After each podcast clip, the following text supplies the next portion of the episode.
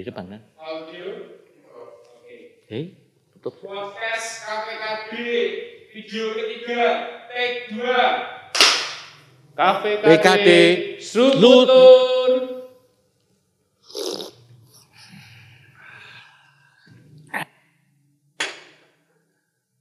Hai guys, kita ketemu- kembali lagi berjumpa di dalam KPKD dan hari ini kita akan ngobrol santai ya, dengan tema ya kita bisa bilang history ya atau sejarah. Nah hari ini saya Bos Agung akan menemani eh, teman-teman untuk kita ngobrol santai bersama bintang tamu kita nih. Ya, ya seorang apa ya? Pastur ya, yang mungkin teman-teman sudah banyak yang tahu ya. Pastur ini sangat terkenal ya. Oke, tanpa lama lagi kita akan langsung kenalan nih dengan Romo Estapanus Giradus Willem Pau. Oke. Halo Romo. Halo. Apa kabar Panggil Romo? Willem saja. Oke, Baik. panggilnya Ya. Romo Willem ya. Berkah. Berkah dalam Romo. Apa kabar Romo? Baik. Baik ya, sehat Romo ya? Sehat. Sehat, puji Tuhan Romo. Nah, Romo selamat datang di podcast KPKD. Hari ini Terima kita akan- kasih. Oke, sama-sama Romo. Nah, hari ini kita akan eh, ngobrol santai Romo mengenai Ya. sejarah dari paroki Kebon Dalem Romo. Ya. Tentu kan Romo eh, pasti sudah sangat tahu ya eh, paroki Kebon Dalem itu seperti apa. Karena Ya. saya dapat bocoran Romo ini pernah dulu sempat pernah di Kebon Dalem ya Romo sebelum Iya. akhirnya, eh, pindah tempat terus ke sini lagi Romo. Iya. Oke. Nah Romo, eh, boleh cerita nggak Romo sejarah dari paroki Kebon Dalem ini itu dulunya seperti apa sih? Kan dulu kalau nggak salah kan kita ini menjadi satu bagian dengan gedangan Romo ya. Betul. Nah terus akhirnya sampai kita bisa berdiri sendiri. Iya. Itu gimana? Mungkin. Baik.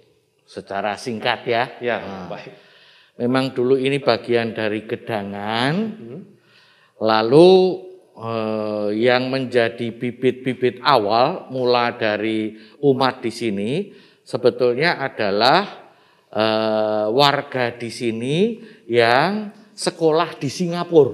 Oh. Ya, jadi ada yang sekolah di Kolese Santo Yosef Singapura, Hmm. kemudian mereka pulang ke sini, lalu mereka menikah juga, punya anak. Nah, mereka ini yang kemudian mulai dilayani secara khusus dari gedangan. Oke. Nah, dari gedangan, salah seorang yang secara khusus memperhatikan mereka adalah Romo Bigman SY. Romo Beckman SC. Lalu Romo Bigman semangat sekali Hmm. untuk mewartakan Injil di lingkungan pecinan ini. Oke.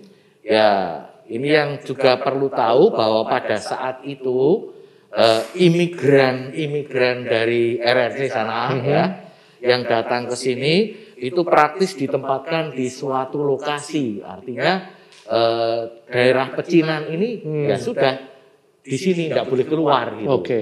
Nah, lalu Romo Bigman melayani di sini, kemudian memulai sebetulnya dengan karya-karya yang sosial, ya. Sosial. memperhatikan anak-anak laki-laki dengan kursus dagang, Hmm. memperhatikan anak perempuan dengan kursus menjahit, Hmm. khususnya mereka yang eh, lemah ekonominya. Oke. Itu dilaksanakan di Gang Warung 33 sana ya. Oh, Gang Warung nomor 33 Romo. itu bersejarah sekali. Hmm. Lalu di sana juga muncul eh, Saint Mary Hall, itu taman kanak-kanak. Oh, oke.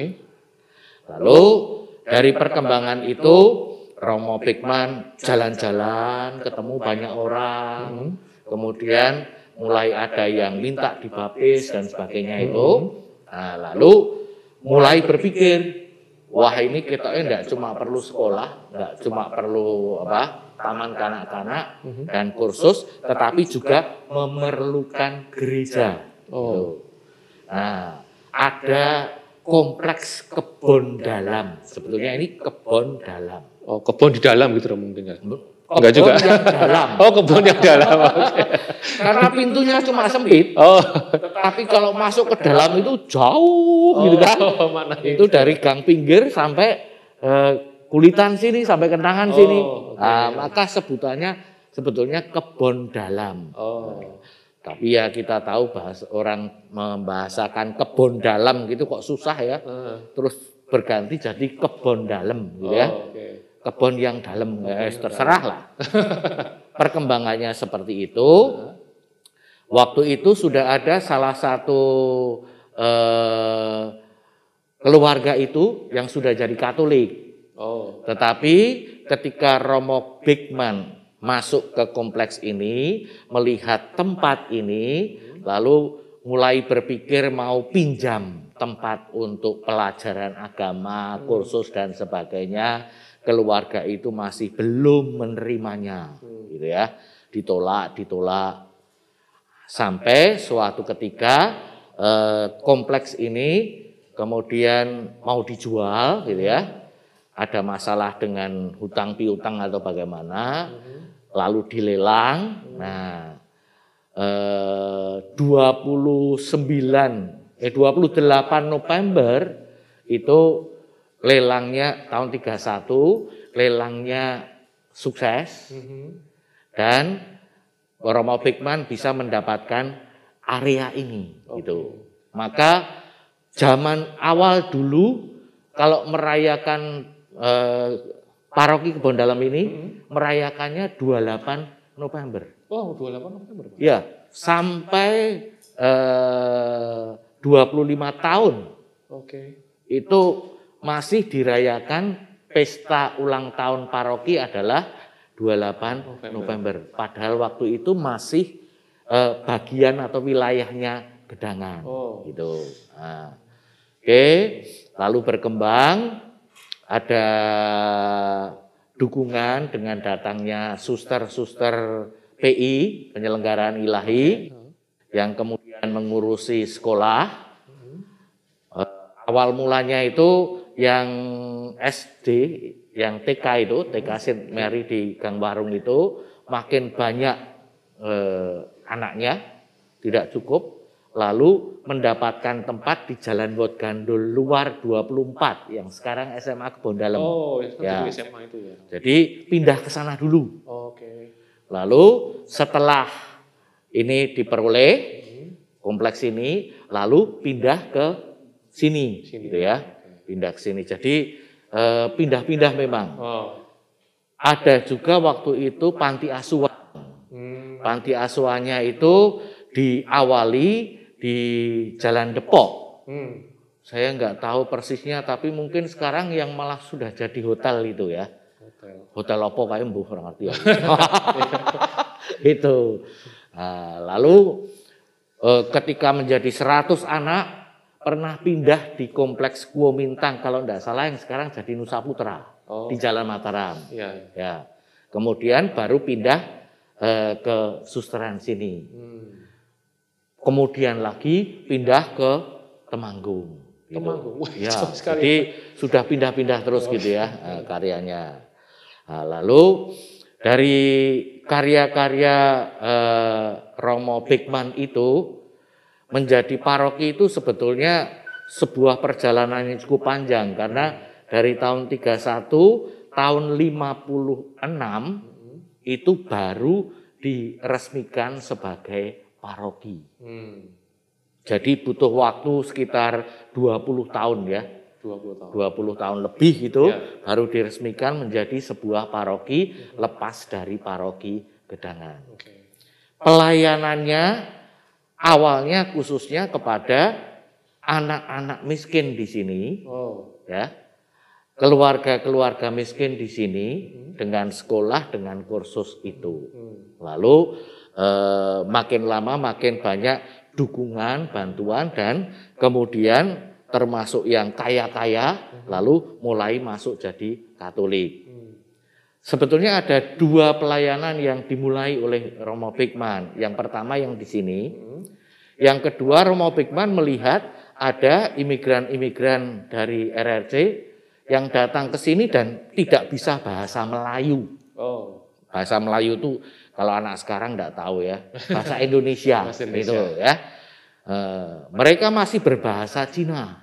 Hmm. Lalu eh, Romo Bigman mikirkan itu membeli tanah, Hmm. Ya, membeli tanah tadinya eh, sudah dapat satu tanah, tetapi tanah itu kemudian oleh pimpinan Yesuit diminta dan diberikan, yo, karo pimpinannya dijaluk mau itu ya, yang sekarang jadi Loyola. Oh. Ya. Jadi itu juga eh, tanahnya itu usahanya Romo Pikman dulu. Oh.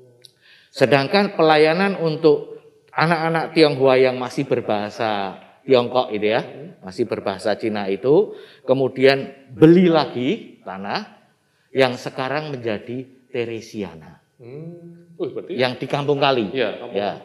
Jadi sungguh memang Romo Bigman itu mau membangun pribadi-pribadi, mengangkat martabat dari eh, kaum Tionghoa dalam iman Katolik itu. Wah, luar biasa sekali Romo ya. Berarti Romo Beckman itu ya. Bukan main dia. Luar biasa ya. Luar biasa. Nah, Romo, eh, setiap gereja Katolik itu Mm-mm. kan pasti punya santo pelindung ya. Iya. Pasti akan pakai nama santo pelindung. Heeh. Nah, di kebun dalam ini kan kalau saya tahu pakainya Santo Franciscus Xaverius ya, Romo. Ya. Nah, itu alasannya kenapa, Romo? Kok yang dipakai Santo Franciscus, Franciscus Xaverius? Padahal kan banyak di santo yang lain. Ya. Ya sebenarnya ini harus tanya pada Romo Bigman ya. Oh, gitu ya. Tapi mau ditanya sudah tidak bisa. Oh, iya. ya. Ah, hanya eh, bahkan juga pada catatan ketika beliau itu merayakan pesta emas imamat, masih ada catatannya itu, itu dia tidak mengatakan apa-apa. Hmm. Tapi kurang lebih eh, beliau hanya mengatakan eh, bukankah dulu Francisco Xaverius itu mengakhiri hidupnya pada akhir hidupnya dalam kerinduan untuk mewartakan Injil ke Cina. Oh, Oke. Lalu sudah sesudah mewartakan Injil ke mana-mana, terakhir mau ke Cina. Nah sekarang dijadikan santo pelindung untuk karya pelayanan pewartaan Injil di pecinan. Pecinan, Gitu. ya. Oh. Cocoknya begitu. Oh, oke. Nah, lalu ketika memikirkan tentang pendidikan untuk yang berbahasa Tionghoa itu, itu beliau merasa eh, terinspirasi oleh semangat dari Santa Teresia. Hmm.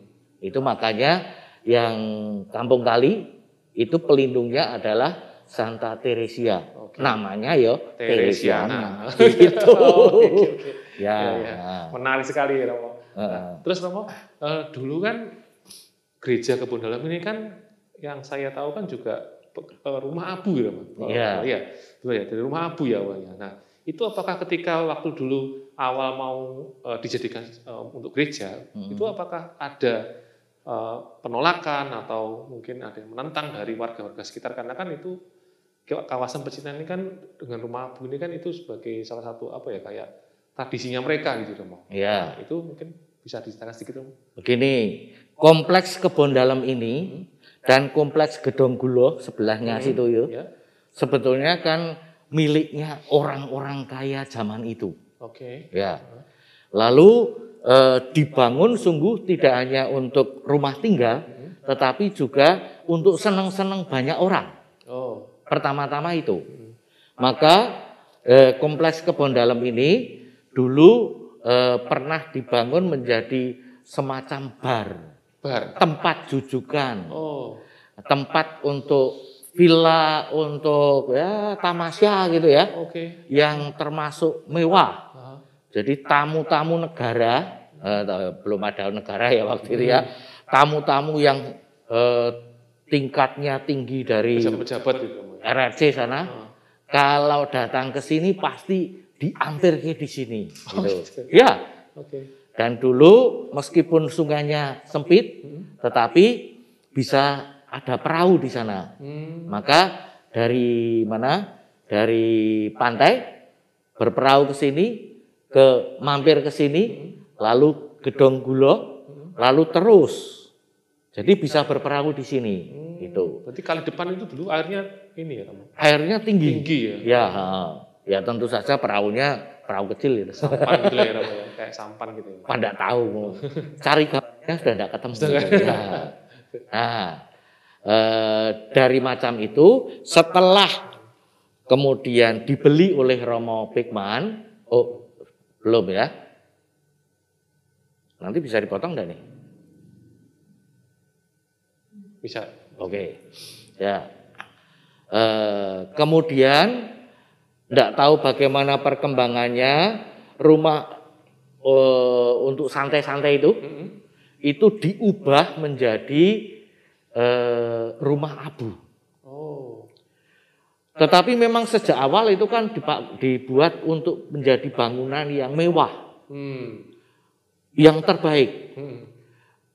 Marmer lantainya Lantai. itu marmer pualam langsung didatangkan dari Tiongkok. Oh. Wah itu mahal sekali Iya. waktu itu. Ning ya yang punya orang kaya kok. Maka bisa tetap menyelenggarakan, membangun itu dan bagus. Hmm. Entah bagaimana kemudian menjadi rumah abu. Mhm. Ya.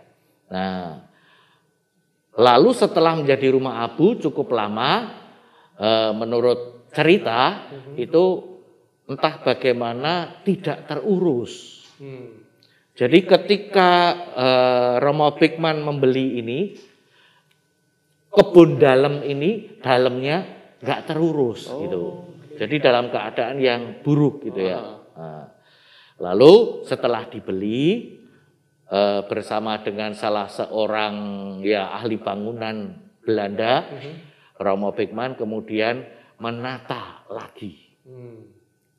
Gedung pokok, gedung gereja itu yang sekarang, gedung gereja itu itu kemudian ditata lagi, lalu yang sebelah sana itu yang sekarang SD Kebon Dalam itu Hmm. itu dipakai untuk Saint Mary TK TK. dan lulusannya itu ditempatkan di sana eh, pindah dari Bot Gandul luar 24 Mhm. gitu ya. Lalu yang SMP ini yang saya tidak tahu munculnya bagaimana itu ya. Tapi praktis itu eh, bangunan di tengah itulah yang kemudian menjadi gereja. Bisa. Ya. Gereja yang bagus dan eh, renovasinya Hmm. itu mendapat dukungan dari masyarakat non Katolik. Oh, malah didukung ya. Iya. Jadi Romo Beckman sendiri di dalam berkarya sebetulnya eh, ya banyak minta dukungan dari masyarakat. Hmm. Ketika dia membuat kursus di Gang Warung, ketika dia menyelenggarakan yatim piatu di Depok itu, Hmm. itu dia sering berkeliling Hmm. seperti apa? Seperti para biarawan Fransiskan itu untuk minta-minta berkeliling lihat wah ini toko kaya gitu ya didatangi mbok minta sumbangan untuk eh, panti asuhan untuk kursus itu dan mereka memberi Hmm. nah ketika bangun gereja mereka juga rame-rame memberi dukungan jadi malah eh, bukan penolakan tetapi dukungan, Dukungan ya, besar, besar ya ya, ya. juga termasuk dukungan finansial Wah, oke. gitu Nah. Luar biasa berarti Ya. Bersyukur sungguh Bersyukur. pada Tuhan. Maka Iya, betul. istilah dari Romo Beckman adalah ini surga yang memberikan kepada kita, Hmm. surga yang memberikan kepada umat di sini. Hmm. Gitu.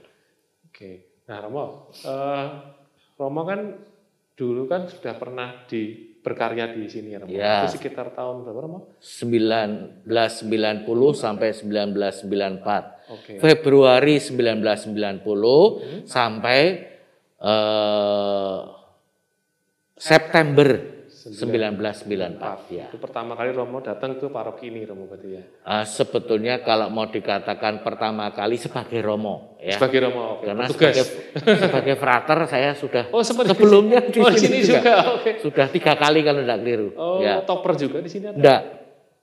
Waktu itu hanya membantu untuk nyanyi apa pasio itu Ya, ya, ya. Eh, nyanyi pasio, kemudian sekali mengisi retret umat di sini. Oke. Ya. Nah, itu waktu itu kan pasti berbeda ya Romo ya sama sekarang. Coba Ya. eh, zaman sekarang ya maksudnya tahun milenium gitu kan. Ya. Nah, menurut Romo ada nggak kira-kira yang eh, berubah dari yang dulu sama yang sekarang itu kira-kira dari gereja kebun dalam ini apa yang eh, terjadi perubahannya sangat drastis gitu Romo? Hmm. Kalau saya mau lihat menurut saya lebih baik melihat apa yang tetap gitu ya. Oh, kan. apa yang tetap? yang nggak hilang gitu. Bagaimanapun eh, mutiara yang bagus dari sini adalah eh, kebon dalam ini tetap menjadi sebuah karya pelayanan bagi eh, kaum Tionghoa, Hmm. ya. Oke.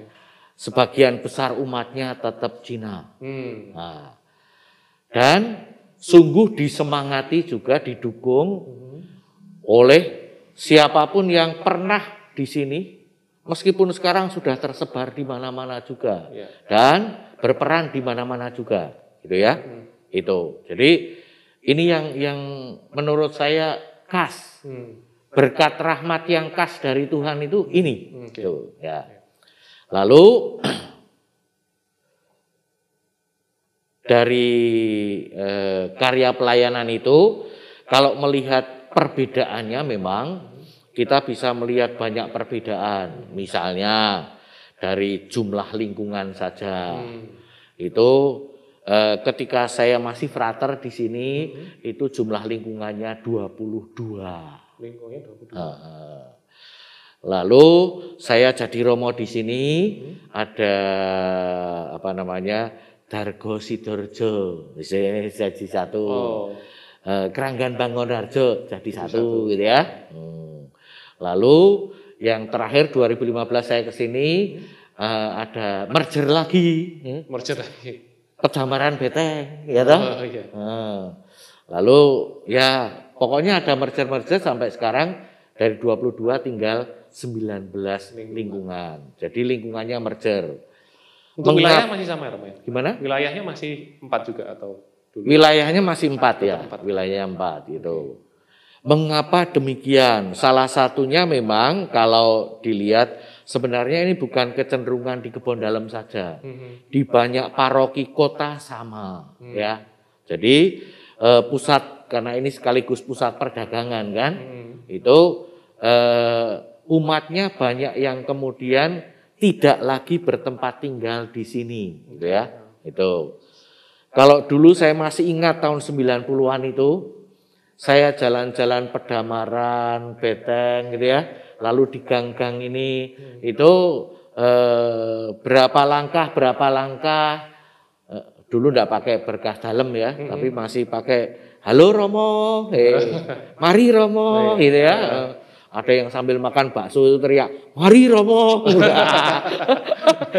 Itu kalau sekarang saya jalan wah sudah habis Oh, sudah nggak ada ya. maka satu perkembangan yang dari segi jumlah menurut saya ya Hmm.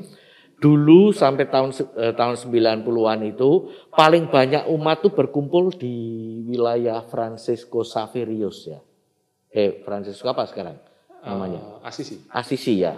Hmm. Jadi yang gang-gang itu gitu, Keranggan Bangunarjo, Pelampitan itu, itu sana itu umatnya jumlahnya paling banyak. Hmm. Lalu kemudian yang di eh, agak ke sini ah, ada kentangan, ada itu ya. itu Solanus ya, ya. Lalu juara tiga jumlah terbanyak itu ya yang Mataram, kemudian Pringgading, Jagalan Timur itu ya. Hmm. Itu juara empat yang daerah sana itu yang Widosari, Oh, kemudian Mawar Kemuning buat gandul itu ya. Ya. Itu juara empat dulu. 2015 saya ke sini kelihatannya jumlahnya terbalik ya. Justru yang pusat pecinannya menjadi paling sedikit umatnya. Hmm. Nah, saya tidak heran karena pada tahun 90-an saya sudah mulai menemui umat yang tidak lagi tinggal di situ. Hmm. Jadi pagi sampai mal- sore sampai malam itu buka toko di situ, berdagang di situ, tetapi malam rumahnya sudah di tempat lain. Hmm. Jadi kalau misalnya malam itu jam 7, jam 8 itu kita datang ke sana mau kunjungan gitu ya. Eh, ketemunya hanya penjaga rumah. Iya, gitu. Oke. Tapi mereka masih tetap aktif di sini. Hmm. Hmm. Ya baik-baik saja ya. Ya. baik-baik saja gitu. Oke. Itu perkembangannya. yang berbeda sekali menyolok Ya, itu. dari tahun 90 yang sampai sekarang. Sekarang Romo, ya. Nah, eh, ngomong-ngomong soal ini Romo, orang muda nih Romo. Ya, Ini kan karena podcast ini kan kita juga ini kan OMK ya Romo ya, ya.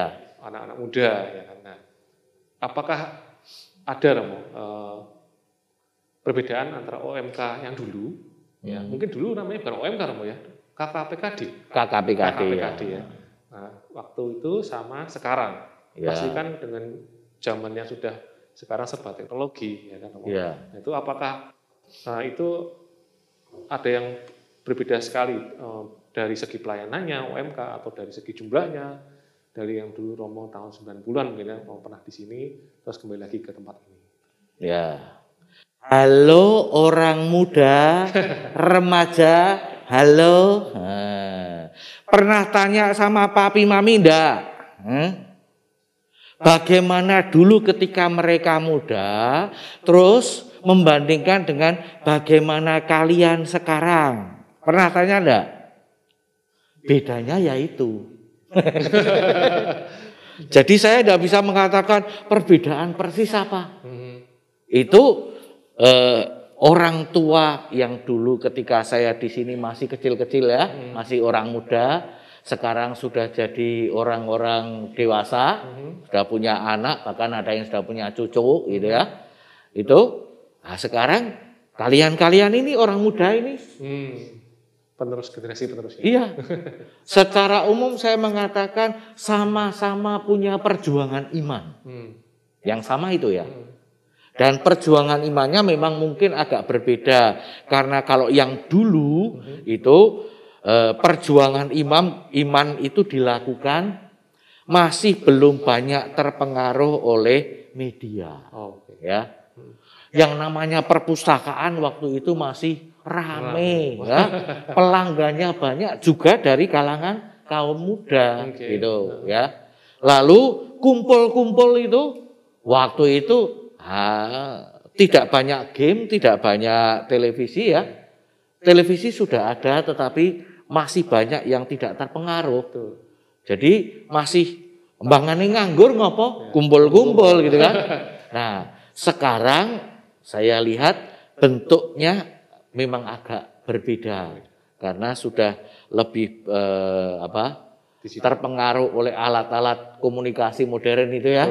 Nah, lalu ya kumpul-kumpulnya menjadi tidak rutin lagi sekarang ya. Kalau dulu itu kita enak enggak kumpul tuh kangen ngono ya. Kalau enggak saling mengejek itu kita eh hidupnya ada yang kurang gitu. Lalu bahkan dulu eh, ada acara juga datang ke lingkungan hanya mengucapkan selamat ulang tahun. Oh, Iya. sampai Ah. segitunya. ya, Romo. Datang gitu ya. Karena semangat. Ya. Nah, nek sekarang sudah daripada jalan-jalan ke tempat teman main game, Main. ya? Betul. Saya kira masalahnya adalah bagaimana kalian-kalian semua ini yang muda-muda ini mau membentuk diri Anda. Hmm. Jadi bukan pertama-tama kami mau melayani bagaimana gitu ya. Hmm. Nah, ketika kami kalian mau membentuk diri, lalu ceritalah kepada kami. Hmm. Kami mau membentuk diri seperti ini, mau jadi seperti ini gitu ya. Ya. Oke, lalu paroki wajib Hmm. wajib untuk memikirkan bagaimana eh, perkembangan iman dalam cita-cita kaum muda itu bisa dilayani Oke. gitu ya Ya. itu menurut saya kurang lebih perbedaannya dan harusnya gimana gitu Oke. Ya. ya Ya, terima kasih Romo. Nah, eh, sekarang saya mau eh, ini Romo, mengenai harapan nih Romo ya. ya Harapan dari Romo William sendiri Hmm. eh, dengan sekarang era modern ya, Hmm. sekarang era digital Mhm. ya. eh, orang muda pasti kan lebih akrab dengan smartphone, dengan gadget ya kan. Mhm. Nah, Romo punya harapan nggak eh, OMK ini nantinya bisa me- apa ya, melayani atau pelayanan di Mhm. paroki ini dengan era sekarang ini itu seperti apa sih yang diharapkan gereja Hmm. gitu? Mungkin Romo. Kalau seperti apa yang diharapkan gereja, Ya, nampaknya sulit sekali menjawab itu ya. Tetapi saya punya gambaran begini. Ini berhubung saya pensiunan Komisi Komunikasi Sosial. Oh, ya. Komsos. Komsos itu. Lalu eh, 10 tahun saya di komisi itu, Mhm. yang saya lakukan bersama dengan teman-teman di kantor itu adalah berjuang bagaimana supaya setiap orang Katolik Mhm. itu terjun masuk ke dalam dunia komunikasi sosial Mhm. sungguh-sungguh sebagai Katolik dan kalau perlu mengkatolikan dunia komu- komunikasi sosial. Hmm. Maksudnya membangun suasana Katolik di sana. Hmm. Itu. Makanya ya saya berpegang pada salah satu ungkapan dari Santo Yohanes Paulus II. Waktu itu Paus Yohanes Paulus II ya. Mhm. Dokumennya yang terakhir tentang komunikasi sosial itu mengatakan duk in altum. Hmm. Terjunlah, masuklah ke kedalaman dunia komunikasi sosial sebagai orang Katolik. Hmm. Nah, ini memang pertama-tama untuk semua. Hmm. Emak-emak, engkong-engkong, papa-papa, mama-mama, sampai bayi-bayi harusnya begitu. Ya. Ah, kalau ditanya untuk orang muda gimana? Saya punya pengharapan besar dan saya melihat ada minat besar dari orang muda Katolik ya Hmm. untuk memang terjun masuk di dalam dunia itu. Hmm. Dan menurut saya itulah cara Tuhan Mhm. mau memakai Anda-anda kaum muda untuk bisa menjadi pewarta-pewarta dan pelayan-pelayan Di era digital seperti itu. di era digi- digital ini. Maka mikirnya kalau ada yang mengatakan anak sama sekali tidak boleh main game, Mhm. maaf orang tua akan saya salahkan. Silakan anak main game, Hmm. tapi syukur coba mikir. Sekarang main game, besok membuat game, Hmm. membangun game untuk melayani umat untuk mewartakan Injil. Ada enggak game untuk mewartakan Injil? Hmm. Belum kan? Dub in altum, masuklah ke kedalaman alat komunikasi sosial itu. Hmm. Sekarang kaum muda encer-encer otaknya ya. Itu bisa. Juga eh, sarananya sekarang eh, apa namanya komputer, internet, Mhm. semua sudah canggih ya. Hmm. Oh, saya membayangkan saya pertama kali pakai internet itu masih dengan apa memori hanya 500 berapa 514 kilobyte. Ya, Eh, sedikit-sedikit. sekarang komputer saya sudah berapa 8 gigabyte. Jauh sekali kan? Iya betul. Sarananya ada, kemampuan ada. Mhm. Tinggal dikembangkan lagi. ya. Saya percaya nanti Anda dan masa depan Anda Mhm. akan menjadi orang-orang beriman yang berteknologi. Hmm. Nah, gitu. Betul. Bisa nggak? Kaum muda bisa nggak menjadi orang beriman yang berteknologi? Juga untuk anak-anakmu besok, cucu cicitmu besok, bisa nggak? Tak tantang gue saya. Challenge dari Romo. Oke, terima kasih Romo. Terakhir Romo, Ya, apa harapan Romo di usia paroki kebun dalam ini yang akan memasuki usia yang ke-65 tahun ya Romo, betul ya? ya. Mungkin Romo punya harapan apa nih untuk paroki kita yang akan memasuki usia ke-65 tahun Romo? Ya. Kalau dihitung dari awal karya pelayanan di paroki ini, Hmm. paroki ini sekarang berusia 85 tahun. Tetapi resminya Hmm. sebagai paroki Hmm. itu memang 65 tahun. 65 tahun. Jadi kalau dihitung dari awal tambah 15 tahun lagi seabad Iya, ya. Mulai kursus-kursus tadi Ya, ya. dan TK dan eh, yatim piatu tadi Hmm. panti asuhan itu sudah hampir satu seabad. abad ya ya. Nah, saya percaya dengan menghayati semangat Santo Francisco Saverius ya. Mhm. Siapa pun yang ada di sini, mau emak engkong, mau kaum muda, mau dewasa, mau anak-anak, siapa pun juga, Mhm. ketika sungguh membangun imannya, kedekatannya dengan Tuhan, Mhm. Mengenal Tuhan, dan juga mau hidup dalam pendampingan Tuhan. Paroki ini tetap akan menjadi sebuah eh, perpanjangan tangan Tuhan untuk membawa kabar gembira. Nah, kalau dulu terbatas di lingkungan pecinan, tetapi sekarang dari pecinan menuju seluruh Indonesia bahkan seluruh dunia. Woi. Itu pengharapan saya. Oke, amin Romo ya. Semoga nanti bisa kita semakin apa namanya luas ya Romo untuk Orang-orang muda, orang-orang muda ya, hah? lihat ya, 20-30 tahun lagi ya, hah? Anda akan menyaksikan itu. yes. amin. Oke, teman-teman muda. Oke, nah, terima kasih Romo Willem. Nah, Sama-sama. atas apa cerita sejarahnya ini yang luar biasa ya. Saya jadi lebih, wah ternyata kebun dalam ini tidak hanya sekedar gereja kebun dalam di era pecinan ya. Ternyata Iya. karyanya sangat luar biasa. Romo, ya.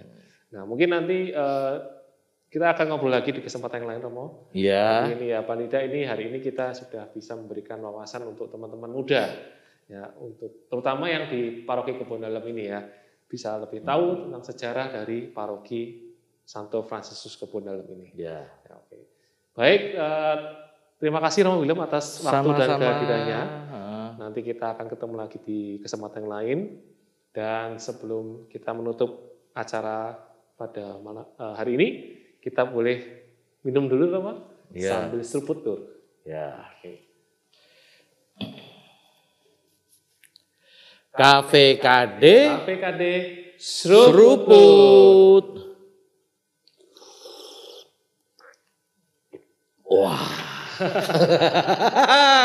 Asik. Terima kasih semuanya, terima kasih. Ya, berkah dalam, berkah ya. dalam. Sampai Ya. ketemu lagi di podcast KPKD berikutnya. Dah.